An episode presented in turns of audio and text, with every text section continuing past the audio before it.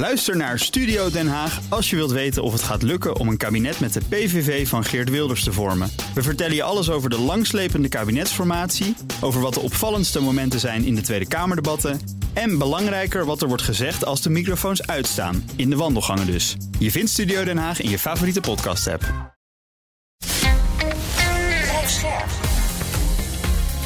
BNR Nieuwsradio. Boekenstein en de Wijk.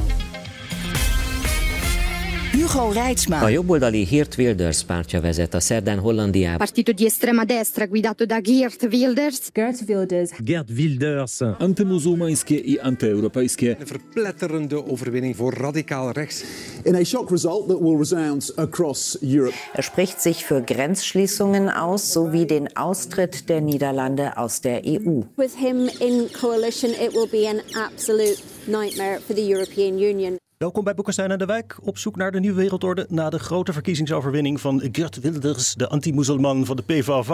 Met de gast, oud-politicus en diplomaat Jaap de Hoop Scheffer. Welkom. Dank. We zijn overigens vandaag speciaal Boekenstein en de Hoop Scheffer, omdat we deze week uh, de wijk even moeten missen. Dus als u, meneer de Hoop Scheffer, een beetje wil mopperen dat het allemaal de verkeerde kant op gaat, dan, dan vervult u die rol die wij gewend zijn van Rob. Ja, het is, het is, het is, moeilijk, het is moeilijk om op de wijk echt goed na te doen. Maar uh, laten we hopen dat het inhoudelijk een beetje lukt. Nou, misschien gewoon om te beginnen, als ik u als oud-politicus kan aanspreken. Hoe kijkt u dan naar hoe het Haagse landschap erbij ligt na afgelopen woensdag? Nou, wat, wat betreft het, het, het buitenland uh, zou mijn antwoord zijn: het ligt er niet bij. Uh, want als ik de campagne heb gevolgd, verkiezingscampagne heb gevolgd, dan is daar, zoals reeds eerder is geconstateerd in bladen en op televisie, helemaal geen aandacht besteed aan buitenlands beleid. Meer in het algemeen vond ik de vraag hoe de partijen hun wensen zouden willen waarmaken, dat die veel te weinig werd gesteld. Mm. Dat mogen ook de media zich aantrekken wat mij betreft. Want je mm. kunt wel iemand, uh, iemand laten zeggen, uh, ik wil een migratiesaldo van 50.000. Maar dan volgt de vraag hoe. En die vraag heb ik niet beantwoord gezien. Uh, niet door degene die dit voorstelde, maar ook niet door, door uh, de leider van de PVV, de grote winnaar van de verkiezingen, die de, de AOW uh, wil laten meegroeien, die het eigen risico in de gezondheidszorg wil afschaffen. Uh, waar zijn die 15, 16, 17 miljard? Kortom, het ligt er niet bij op het punt van, van, van het buitenland. en de akker ligt er, laten we zeggen, niet zo best bij als ik programmapunten bekijk van de verschillende partijen en ik kijk naar de toekomst bijvoorbeeld van Europa. Ja, Arjan, jij kwam hier al helemaal stuiterend binnen van hoe, hoe moet dit nu verder? Nou ja, ik ben, ben echt een beetje verdoofd. Ik, wist, ik, ik heb wel voorspeld dat de PVV zou winnen, maar 37 zetels is natuurlijk echt helemaal verschrikkelijk. Uh, ja, ik heb het volgende scenario bedacht. Dan moet jij maar zeggen dat ik gek ben. Dan kunnen de mensen nog naar bed uh, goed, goed slapen zonder slaappil. We hebben half december hebben we een EU-top over uitbreiding. Nou, over drie weken. Ja, dan hebben we een nieuw uh, parlement.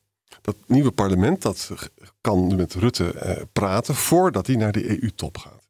Hm. Het zal toch niet zo zijn dat deze nieuwe partijen zeggen van wij vinden dat u uh, tegen die uitbreiding moet stemmen. En als, als je dat niet zou doen, dan kan je ook nog eens een, een motie van wantrouwen indienen tegen een demissionaire premier. Dat kan ook allemaal nog. Hm. Hm. Ja, ik hoop, ik hoop dat je gaat zeggen dat het echt allemaal onzin is wat ik nu zeg. Nee, ik vrees dat, uh, dat dat niet het geval is, dat het allemaal onzin is. Uh, die, top is uh, die top is belangrijk. wat de uitbreiding betreft zou ik met Max Weber willen zeggen... niet uitsluitend gezieningsethiek, maar ook verantwoordingsethiek. Ja. Met andere woorden, ik denk dat er een geopolitiek imperatief is, om het deftig te zeggen... dat de Europese Unie zich op een moment zal gaan uitbreiden... Oekraïne is al het lidmaatschap aangeboden, kandidaat lidmaatschap aangeboden. Moldavië ook. Georgië in de wachtkamer. De Balkan, Arend Jan. We kennen alle, alle uh, wachtkamerperikelen. Uh, maar er zal toch, uh, mag ik hopen, op die top in, in, in december in ieder geval ten principale worden uitgesproken dat er een geopolitiek imperatief is tot uitbreiding van de Europese Unie. Dat meneer Michel, de voorzitter van de Europese Raad, dan niet moet gaan roepen dat is in 2030 gefixt. Want zo is het natuurlijk niet. Dat gaat lang, dat gaat heel lang duren. Maar de principeuitspraak uh, moet, worden, uh, moet worden gedaan. En ik ben met jou, Arend Jan, en daarom ben ik eigenlijk even somber. Met jou, Arend-Jan, uh, uh, weet ik niet zeker uh, hoe dat Kamerdebat met de zeer demissionaire minister-president Rutte gaat, gaat verlopen. en de kans bestaat altijd dat, dat de rem zal worden aangetrokken. want zoals bekend heeft Nieuw Sociaal Contract in ieder geval ook in het programma staan dat, dat voor ieder toetredend land aparte referenda in Nederland moeten worden gehouden. Enfin, er liggen nog een aantal obstakels, hobbels. Uh, op de weg uh, naar, een, naar een duidelijke politieke uitspraak die ik verwacht. Ik verwacht geen resultaat op die top in december. Moet je je voorstellen, Orbán gaat natuurlijk sowieso zijn veto uh, meespelen. Hè? Dat heeft hij aangekondigd. Ja. En stel je voor dat Nederland dus daarin meegaat. En dan hebben we misschien Slowakije misschien ook wel. Nederland, de nieuwe bondgenoot van ja. Orbán. Zou dat mogelijk zijn dat dat over een paar weken al op het Europese toneel zo blijkt? Ja, ik, kan, ik, kan me, ik kan mij dat slecht voorstellen, maar dan, dan heb ik het ook even over de ongelukkige manier waarop niet alleen Arend Jan, maar ik ook wakker werd uh, ja. toen ik van het verkiezingsresultaat hoorde. Uh, want uitgesloten is het niet uh, dat, dat er een, een, een hele krachtige koerswijziging wordt, wordt ingezet. We horen de VVD nu even uh, op de achterbank plaatsnemend. Uh, nou, dan, dan zal uh, wat verder worden gesproken met, met, met NSC met, met, met BBB, PVV. Dat ook wordt een langdurig proces zonder enige twijfel. Maar als ik kijk naar Europa, als ik kijk naar de wereld. De verhouding Verenigde Staten-China, het hoofdtoneel tenslotte. De verhouding tussen de twee supermachten. De positionering van Europa, onze positionering. Als, als, als financiële economische reus, als, als politieke puber en als militaire kabouter. Uh, wij, moeten ons positioneren op dat hoofdtoneel. En we zijn een financiële economische reus. Dan mag ik toch hopen dat dat wel politiek wordt, uh, wordt mogelijk gemaakt. Uh, en, en daar zie ik in de programma's passages staan die mij met grote zorg vervullen, om het netjes en diplomatiek te zeggen. En dus überhaupt niet gesproken over de vraag: wat gaan we nou eigenlijk doen als inderdaad Trump die NAVO opblaast? Er wordt gewoon niet over gesproken. En, en dan nog iets anders, Jaap, waar ik zo bang voor ben. We zien in België verkeerde politieke ontwikkelingen. We zien het in Frankrijk. Kan, zou Marine Le Pen natuurlijk terug kunnen komen. Dat kan altijd. Ja. Hè? Ik hoor, de Duitsers die ik spreek, die zijn ontzettend bang dat de Nederlandse uitkomst van de verkiezingen misschien ook invloed heeft op de Duitse verkiezingen. Met alternatieven voor Duitsland gaat het ook ja. goed hè, in de peilingen. Ja, met, met andere woorden, het, het Europa waar ik zo van houd en waarvan ik wil dat dat vooruit gaat, dat zou misschien gewoon in elkaar kunnen storten. Of ben ik nou veel te somber, Jaap? Nou, ik zou, ik zou het woord in elkaar storten uh, uh, gebruik ik nog niet. Uh, ik ben reuze benieuwd wie zich, af, afgezien van twee mensen in een podcast, en, en Rob zou hier zeker wat, wat, wat, zich wat mopperend bij ons voegen. dus laten we zeggen tweeënhalf of drie in een podcast. Kijk, aan, aan, aan, aan, aan, aan ons zal het A niet liggen, maar B, we moeten ons ook realiseren dat datgene wat jij en ik al dan niet publiek roepen, of in een podcast roepen, uh, Arend Jan, geldt voor Rob ook. Uh, dat, zijn, dat zijn de analisten. Uh, ja. En wij zijn niet de mensen die aan de knoppen zitten. Uh, en wij zijn niet de mensen die in eerste instantie geroepen zijn. In tweede instantie wel, zeg ik er uitdrukkelijk bij. Uh, om, om uit te leggen, ik probeer dat, uh, jij doet dat ook Arend Jan, ik probeer dat aan mijn studenten ook te doen.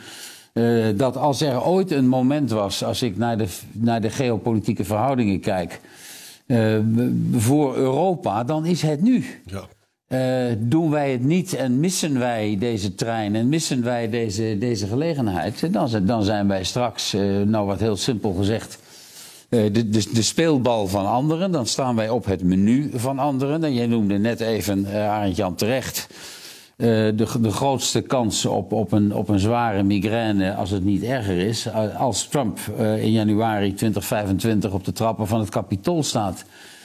als Trump dan, laten we zeggen, de, de Amerikaanse democratie zal trachten om zeep te helpen. Als je hoort wat voor taal hij nu gebruikt. Ik las een stuk in de New York Times waarin hij het over ongedierte heeft. Hmm. Als hij het over zijn politieke tegenstander spreekt. Dat, dat, dat, dat, dat, dat brengt hele duistere tijden uit de geschiedenis terug. Dus zullen wij uh, als, als, als Europeanen ons over dit soort vragen moeten buigen. Dat, hoe, dat moet je niet meteen publiek doen, uh, want dan ontstaat er weer allerlei onnodige onrust. Maar ik hoop toch wel dat onze regeringsleiders uh, zich realiseren uh, dat er wel nagedacht moet worden uh, over de Europese reactie op een moment dat Trump werkelijk zou zeggen: die NAVO, daar zie ik eigenlijk niet zoveel meer in. En weet je wat ik zo ellendig vind? Van, ik ben natuurlijk iemand die in een bubbel zit. Hè? En ik heb een podcast, die wordt waarschijnlijk geluisterd door trouw publiek, maar dat zijn ook vaak hoogopgeleiden. Zodra ik ergens een café binnenga in het oosten van het land, dan doe ik heel weinig. Maar als ik het doe, het eerste waar die mensen over beginnen is over buitenlanders, over immigratie. Europa is überhaupt fout. Dus eerlijk gezegd, de, de elite is er natuurlijk ook helemaal niet in geslaagd om die mensen nog te bereiken. En dan las ik ook dat 45% van de Nederlanders waren ervan overtuigd dat de verkiezingen in Nederland niet eerlijk waren verlopen. Nu hoor je ze niet meer, omdat de uitslag ze bevalt. Maar dat is echt Trumpistische gedachtegang, is dat, hè, Jaap? Ja, uh, en, uh, ja, ja, en, en, en uh, laten, we, zeggen, bewijs voor het feit, en kijk naar de Nederlandse historie, dat de kiezer, grote delen van de kiezers moet ik zeggen, beter, grote delen van de kiezers, bij iedere verkiezingen weer iemand nodig hebben om achteraan te lopen. Ja. Uh, nou, even, even los van de inhoud. Fortuyn was, was uh, heel iets anders dan Caroline van der Plas. En Caroline van der Plas is natuurlijk een totaal andere persoonlijkheid en politica dan, dan Geert Wilders. Maar er is kennelijk één noodzaak. Kijk ook even naar, je noemde Duitsland uh, in een tussenzin. Kijk even naar mevrouw Sarah Wagenknecht ja. in, du in, Duitsland. Er, ken kennelijk hebben de kiezers in onze democratieën. Uh, de behoefte uh, om, om bij iedere verkiezingen, ik overdrijf nu iets, achter iemand anders aan te lopen. Mm -hmm. uh, en, en, en, en wat die iemand anders aan roept, dat is haast nog van minder belang. als je begrijpt wat ik bedoel. en dat is nu ook weer gebeurd bij deze verkiezingen. Je kunt een aantal externe factoren aanwijzen. en, en ik vrees dat dat wel even zo zal blijven. Want Nederland is daar niet uniek in. En ik moet eerlijk zeggen. Ik had toch in mijn stoutste dromen niet kunnen verwachten uh, dat wanneer ik vanmorgen de Financial Times opensla, daar een. Uh, een uh, wij, wij, zien Geert Wilders als de grote winnaar van de verkiezingen met een, met een glas in de hand. Tja, ik had dat in mijn stoutste dromen niet, niet, niet durven, me niet durven voorstellen. Dit wordt zelfs bij de ontstentenis van uh, Rob de Wijk een mopperpodcast, hoor ik. Dat is helemaal zoals ik het had verwacht. Even het onvermijdelijke jingletje. Nou, maar ik heb een, ik heb een, ik heb een wat andere definitie van mopper, hoor. Ja. Daarom hebben we u ook uitgenodigd. Op zoek naar de nieuwe wereldorde. Ja, Dit is Boekenstein en de Wijk. En dat programma is natuurlijk niet zonder Aart-Jan Boekenstein en Rob de Wijk. Dan wel de Hoopscheffer. Mijn naam is Hugo Reisma. En we praten met Jaap de Hoopscheffer, oud-minister van Buitenlandse Zaken. Voormalig secretaris-generaal van de NAVO. Over uh, het uh, nieuwe Nederland, zoals het erbij ligt in Europa en in de wereld. En er wordt natuurlijk nu al vooruitgekeken naar mogelijke coalities. Maar ik hoorde jullie ook al praten over niet alleen de standpunten van Wilders, maar ook die van NSC, die bij uitbreiding van de Unie een referendum wil. De BBB heb ik qua Europa-standpunt niet heel erg scherp. Maar krijg je eigenlijk niet sowieso, wat voor soort regering er ook komt, een Nederland dat op de rem gaat staan in al die grote kwesties die er nog aankomen? Nou ja, het is feitelijk natuurlijk zo dat uh, omzicht heeft, is voor opt-outs. Zoals Denemarken die heeft. Vertelt er niet bij dat je een opt-out eigenlijk alleen maar bij het begin kan krijgen. Niet als je er al helemaal in zit. Hij is voor een correctief referendum na een uitbreiding. Moet je je voorstellen, dat, dat legt dus heel Europa lam. Dat wordt totaal misbruikt. Hè? En hij is zo kritisch ten aanzien van de euro dat hij misschien ook wel bereid is om daar hele rare stappen te gaan doen. Dus met andere woorden, naast de PVV die, al, die er gewoon helemaal uit wil, hebben we te maken met omzichtsideeën over Europa. En die zijn niet mals. Hè? En de VVD zelf heeft natuurlijk in het verleden niet altijd de positieve kanten van Europa belicht. De, de bekering van Mark Rutte tot Europa is iets van de afgelopen jaren. Maar daarvoor heeft hij dat spelletje gespeeld van er moet niet te veel geld naar het zuiden. Hè? Dat heeft overigens het CDA ook een beetje gedaan. Dus dat betalen we nu ook de prijs. Ik, ik, herinner, mij, ik, herinner, ik herinner mij ook nog uh, een, een, enige opmerkingen van een voormalig minister van Buitenlandse Zaken in deze, in deze geest. Tja. Maar uh, nee, het is, je, je, analyse is juist, Arend Jan. Ik, ik, ik hou me maar vast aan de hoop dat, dat op een bepaald moment iemand die premier van alle Nederlanders wil zijn, in, in ieder geval de allerscherpste randen eraf slijpt. We hebben dat ook bij, bij Meloni in Italië gezien. Zien we dat, uh, dat het verkiezingsticket heel radicaal was. Maar dat eenmaal uh, in de maalstroom van Europese en andere vergaderingen. Uh, de posities iets rustiger en iets milder worden. Maar, maar Ik zie uh, omzicht nog niet zo snel uh, deze ideeën, uh, Arend Jan, die jij formuleert, op de ouds, wat niet kan. referenda binair. Ik ben een verklaard tegenstander van referenda. Het, is, het, is een, het geeft een schijnduidelijkheid en een schijnhelderheid. En politiek, Arend Jan, zoals wij beiden weten, is niet een, is niet een 1 of een 2 of een 0 of een 1. is, is geen computerspel.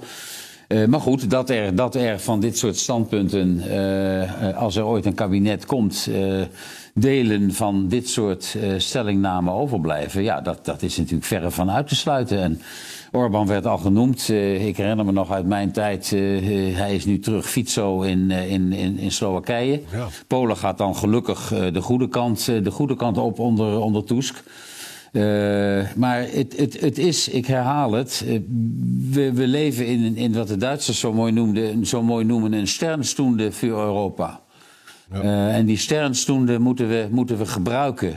die, die, die, dat window, die tijdspanne, die, is niet, die is niet ongelimiteerd.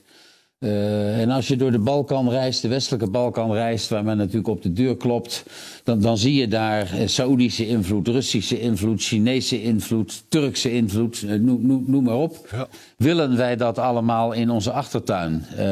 Kosovo, Servië, een kleine lucifer erbij en, en het ontbrandt weer. Jens Stoltenberg, een van mijn opvolgers bij de NAVO, heeft aangekondigd dat de NAVO een steviger militaire presentie uh, op de Balkan uh, zal gaan organiseren. Nou, dat is niet voor niks. Uh, met, met andere woorden, we zijn in Europa omgeven door een ring van instabiliteit. Een oorlog op het continent in Oekraïne. de Sahel, waar een tweede Afghanistan aan, het, aan het ontstaan is. Klimaatverandering, terrorisme, demografie, noem het maar op. Zwak bestuur, noem het maar op. Een, omgeven door een ring van, van instabiliteit met als gevolg grote migratiegolven. Waar de campagne dan wel over ging, al werd de hoe-vraag niet, uh, niet beantwoord. En, en als, als, als we dus dit, dit ons niet realiseren, dan vrees ik dat het moment voor Europa wel eens te laat zou kunnen zijn. Ja, ik ben daar dus ook heel bang voor. Hè? Laten we eens een casus behandelen. We zien nou dat de VVD is nog een keer gedraaid en nu willen ze dan gedogen. Stel je voor dat we echt Wilders als premier zouden krijgen. Gewoon een scenario. Ik zeg niet dat het gebeurt, maar stel je voor. En die gaat dan naar de Europese Raad, Jaap. Ja? Dan zal die dus met Orban, Orban meepraten daar. Ja? Nou, ik zie mijzelf de Europese Raad voor. Daar zijn dus constant zijn daar dus debatten over allerlei zeer lastige vraagstukken. En dan probeert men package deals te maken. Hè? Hm. En het voordeel van Rutte was natuurlijk dat hij daar lang zat. Dat hij naar hem geluisterd werd. Dat hij een oliemannetje is. En je zou dus kunnen zeggen dat Rutte daar dat relatief goed deed. Die deed dat uitstekend, met groot gezag. Ja, en Wilders komt daar dan helemaal nieuw. Die heeft zich eigenlijk nooit verdiept in diplomatie. Die is goed in schreeuwen en posities innemen. Maar dus ook mensen de stroop om de mond smeren. En te zeggen van, zullen, kunnen we het niet zo doen? Kan je daarmee leven? Dat zal hij allemaal moeten leren. Bovendien krijgt hij te maken in de internationale pers met e- enorm veel kritiek. Dus veel van de bestaande leiders daar, die nemen ook enig afstand van hem. Ik denk dat dat, dat, dat, uh, dat, dat heel moeilijk gaat worden. Hoe zie jij dat?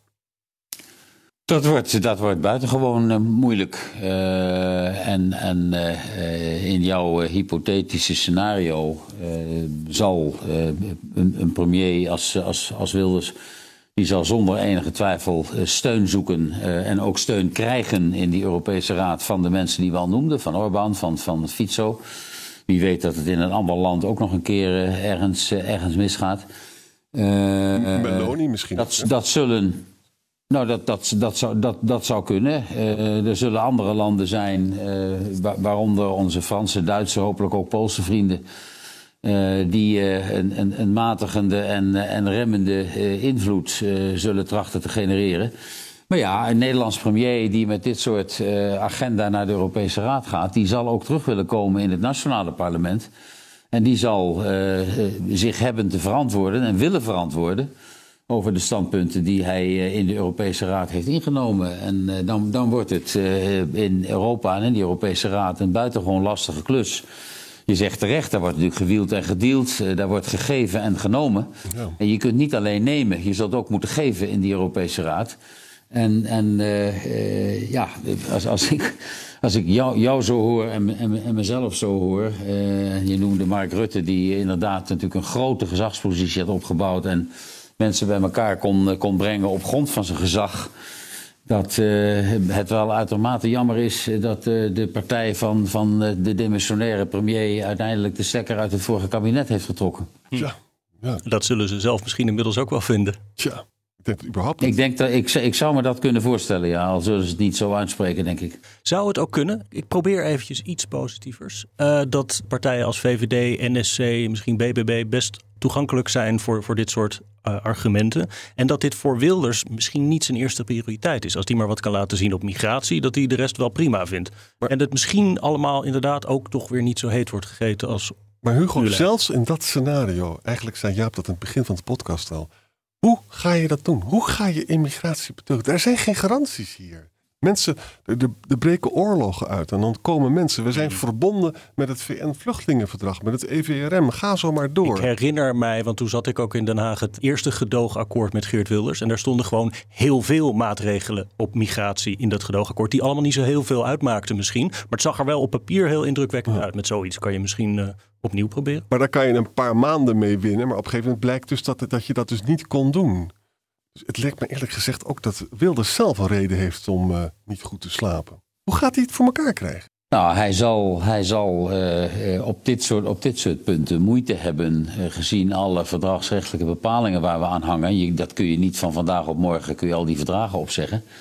Net zoals bij je, wat, je, wat jij terecht zei, je kunt, je kunt wel een opt-out willen, maar dat doe je over het algemeen voordat regelgeving tot stand komt. En, en niet als die regelgeving tot stand is gekomen. Maar terug naar, terug naar Wilders. Uh, hij, hij, zal, uh, zoals iedere politicus, en dat weten jij en ik ook, uiteindelijk met, met ontevredenheid worden geconfronteerd. Omdat op het punt van migratie, maar mag ik daar even bij noemen. Ik noemde dus al even zijn, zijn voorstellen over, over stijging van de AOW, over de gezondheidszorg en, en het afschaffen van, van het eigen risico. miljarden en miljarden, die gaat hij ook niet vinden. Nee. Uh, tenzij hij, maar ik hoop dat dan toch een meerderheid zijn verantwoordelijkheid neemt, tenzij hij uh, al alles uit een oplopende staatsschuld gaat, uh, gaat financieren. maar goed, dat, dat, dat weet ik niet en dat, dat moeten we afwachten. Dus hij zal met ontevredenheid worden, worden geconfronteerd. En, en dan zal ook de cohesie van een coalitie, welke dat dan ook is, op de proef worden gesteld. En ik hoorde uh, in, in, inderdaad de VVD nu zeggen: Nou, we doen niet mee, maar, maar, maar mogelijk gedogen wij. Nou, ik. Uh, ben als CDA betrokken geweest bij, bij het, het, het, congres in de Rijnhal, waar ik behoorde tot de twee derde van het CDA, die uiteindelijk zei. Laten we het dan maar proberen. Nou, dat is uh, niet een succes geworden. En ik druk mij zoals gewoonlijk diplomatiek uit. Uh, dus dus het, het gedogen van een, een, een coalitie onder leiding van, van Geert Wilders lijkt me ook nog zoal wat voor de VVD. Maar goed, ik ben geen VVD'er, dus ik heb ze ook geen raad te geven. Uh, maar kortom, uh, uh, Wilders zal, om op je vraag terug te komen, Arend Jan, met, met ontevredenheid worden geconfronteerd. En ik ben reuze benieuwd hoe hij het dan zal doen. Want hij heeft natuurlijk nu al de vele jaren dat hij Kamerlid is aan de zijlijn staan roepen. Daarmee veel aandacht getrokken, maar nooit een begin van een oplossing hoeven te leveren. En dat moet hij nu wel.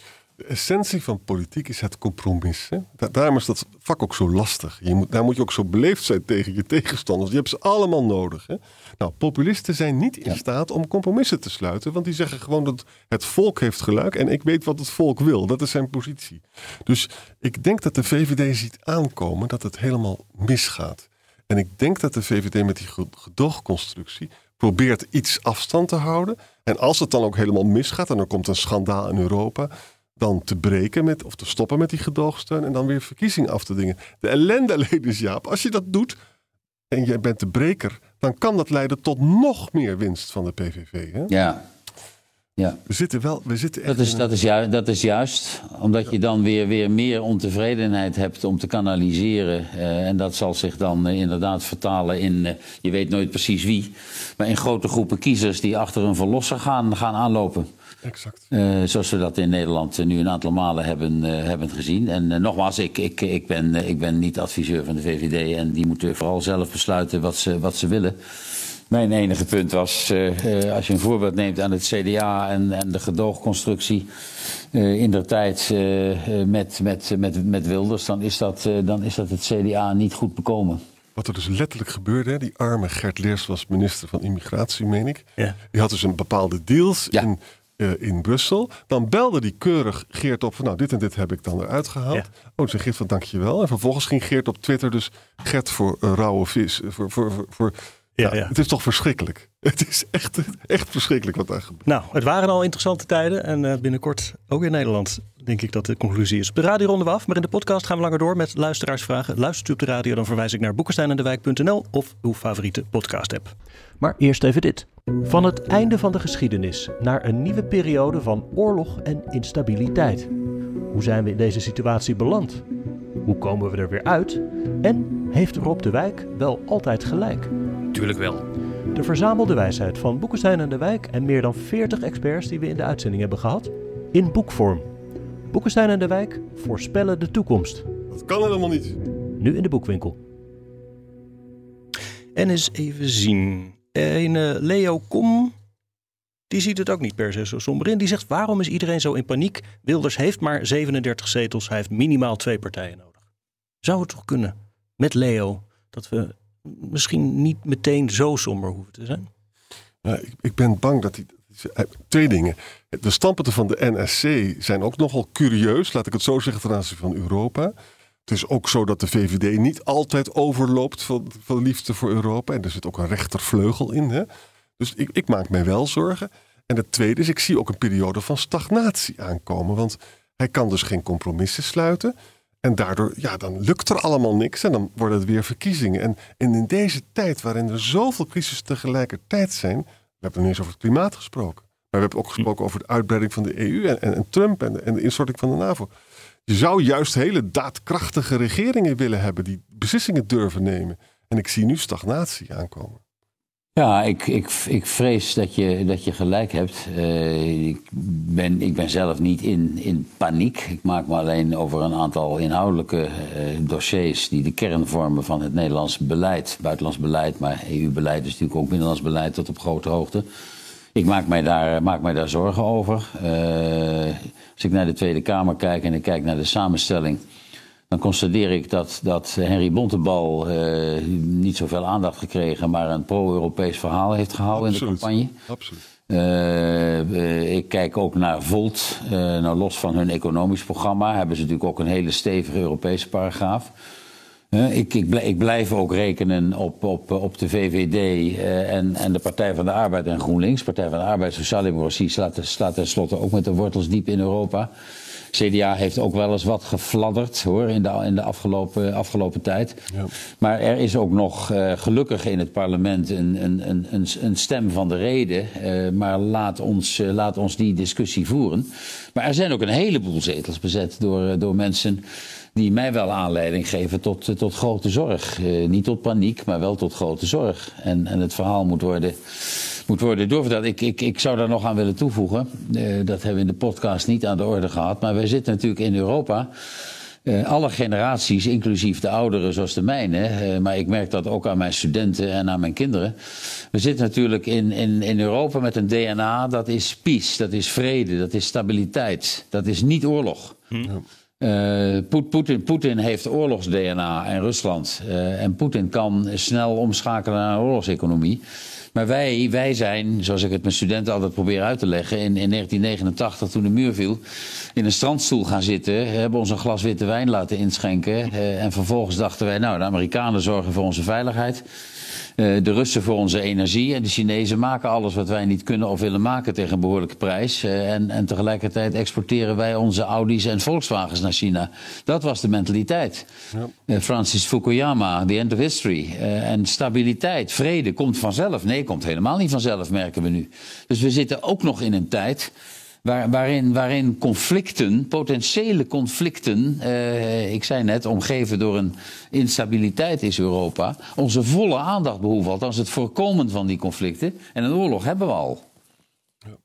Bernice Oostrom vraagt: kan Wilders ervoor zorgen dat de steun aan Oekraïne wordt stopgezet? Nou ja, het, Ologron heeft vandaag dus haar angst daarvoor uitgesproken. Ze zei wel, dit demissionaire eh, kabinet gaat daarmee door. Ja, stel je nou eens voor, jongens, er is een meerderheid in het nieuwe parlement dat dat misschien wel wil. Nou, wacht even, rustig blijven. Omzicht mm. wil dat niet. Hè? Omzicht doet dat niet. VVD doet het ook niet. Nee. Nee, maar goed, het grote probleem is natuurlijk wel dat de Amerikanen, Republikeinen, dat gaat dus gewoon niet goed. Ik had gehoopt, Jaap, dus dat de Lindsey Graham in de Senaat een oplossing zou bedenken. Is nog steeds niet gekomen. Hè? En nu de laatste Nee, berichten. nee. Ze hebben dus 5 miljard uit voorraad nog. Maar die 64 miljard komt er dus niet door. Het is echt, echt heel verontrustend. Nee, dat, dat, dat gebeurt niet. En nog even terug, eh Arend-Jan, naar ons DNA als Europeanen. Eh, eh, ik heb regelmatig oproepen gedaan. niemand luistert meer. Nou, daar, daar bijt ik niet van in mijn kussen s'nachts. Maar om, om discussie te openen met pensioenfondsen en met banken. Eh, of het absolute taboe op financiering van de wapenindustrie eh, overeind moet blijven. Ik heb daar mijn grote twijfels over, eerlijk gezegd. Ik ook. Eh, wij, wij, kunnen, wij kunnen de miljoen granaten die we beloofd hadden, kunnen we niet of nauwelijks leveren. Onze schappen raken leeg.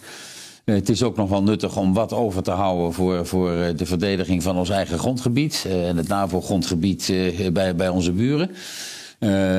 Kort- kortom, dat soort discussies verdragen zich niet goed met een DNA wat, wat, wat, eh, wat doordecemd is, godzijdank zeg ik erbij, voor de af, over de afgelopen decennia, wat doordecemd is met vrede en stabiliteit. Sven Sanders vraagt, eh, of ze stelt, midden-links heeft gefaald en niet geluisterd de afgelopen 15 jaar. Dus dit is het begin als Frankrijk en Duitsland niet veranderen. Wat denk je dat Duitsland gaat doen? AFD noemt hij ook. Italië, Spanje, Zweden. Hij zegt, ik gok dat Polen de enige uitzondering gaat worden. Die dan dus de goede kant op gaat, het is- het is- denk ik dat hij bedoelt. Het is heel moeilijk om het allemaal te overzien. Wat ik, laat ik even tot Duitsland beperken. Het gaat niet goed eh, met Scholz. Het gaat ook niet goed tussen Habeck en Scholz. Terwijl Habeck zelf fantastische speeches houdt en zo. Maar de, de Groenen hebben het ook moeilijk.